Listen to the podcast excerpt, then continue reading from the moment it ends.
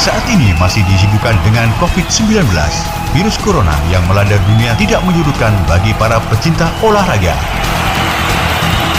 Sepak bola masih menjadi salah satu topik perbincangan yang tak kalah serunya di kalangan orang-orang pecinta dunia olahraga sepak bola. Berikut ini informasi hasil pantauan Piala Eropa 2020-2021 Radio Hadi FM. Sahabat bola Ronggo Hati, pertandingan semifinal Euro 2020-2021 sudah usai. Dua tim masuk partai final, dialah Italia dan Inggris. Dan dua tim gagal menuju tahta juara, yaitu Spanyol dan Denmark. Kejuaraan Euro atau Piala Eropa memang beda dengan kejuaraan-kejuaraan yang lain, seperti Piala Dunia, Copa Amerika, atau yang lainnya perebutan juara tiga selalu dipertandingkan. Tapi di Euro, tempat ketiga ditiadakan. Yang gagal di semifinal yang harus tersingkir untuk pulang kampung. Pertanyaannya, mengapa tidak ada perebutan juara tiga dalam Piala Eropa? Euro atau Piala Eropa dihelat sejak tahun 1960. Saat itu sempat menerapkan perebutan juara tiga hingga edisi ke-6, yaitu tahun 1980. Sejumlah negara seperti Ceko, Inggris, Hungaria, Belgia, dan Belanda pernah menyandang gelar juara tiga Piala Eropa atau Euro. Namun demikian, sejak edisi ke-7 tahun 1984, perebutan juara tiga dihapus.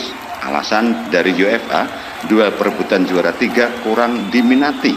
Lalu UEFA membuat kebijakan lain dengan menambah kota peserta Piala Eropa. Terus berkembang putaran final Euro dari tahun ke tahun hingga Euro 2020-2021. Jumlah peserta putaran final adalah 24 yang terbagi 6 grup. Selain juara dan runner-up dari masing-masing grup yang lolos ke fase gugur, masih ditambah peringkat tiga terbaik hingga berjumlah 16 untuk melakoni pertandingan menuju 8 besar. Terus ke empat besar dan dua besar alias final. Itulah sedikit uraian dari kami pantauan bola. Kenapa ditiadakan perebutan juara tiga di Euro atau Piala Eropa. Salam olahraga, salam sehat, ronggo hati.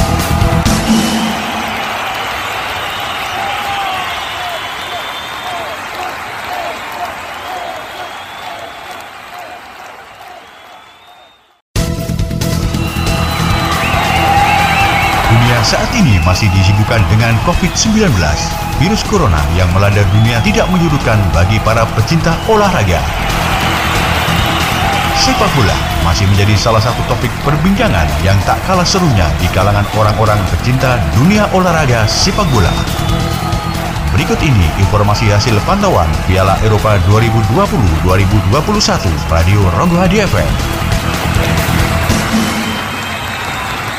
Sahabat bola Ronggo Hati, pertandingan semifinal Euro 2020-2021 sudah usai. Dua tim masuk partai final, dialah Italia dan Inggris.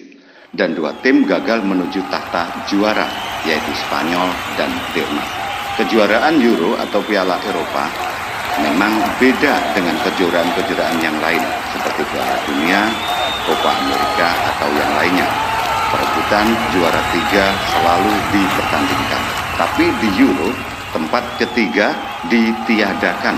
Yang gagal di semifinal yang harus tersingkir untuk pulang kampung. Pertanyaannya, mengapa tidak ada perebutan juara tiga dalam Piala Eropa? Euro atau Piala Eropa dihelat sejak tahun 1960.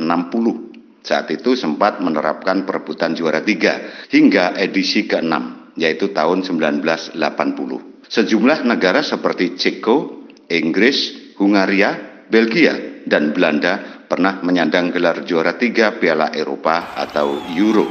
Namun demikian, sejak edisi ke-7 tahun 1984, perebutan juara tiga dihapus. Alasan dari UEFA, dua perebutan juara tiga kurang diminati.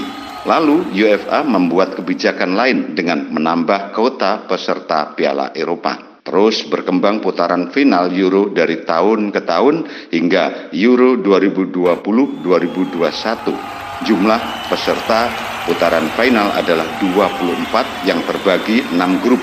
Selain juara dan runner-up dari masing-masing grup yang lolos ke fase gugur, masih ditambah peringkat tiga terbaik hingga berjumlah 16 untuk melakoni pertandingan menuju 8 besar. Terus ke empat besar dan dua besar alias final. Itulah sedikit uraian dari kami pantauan bola.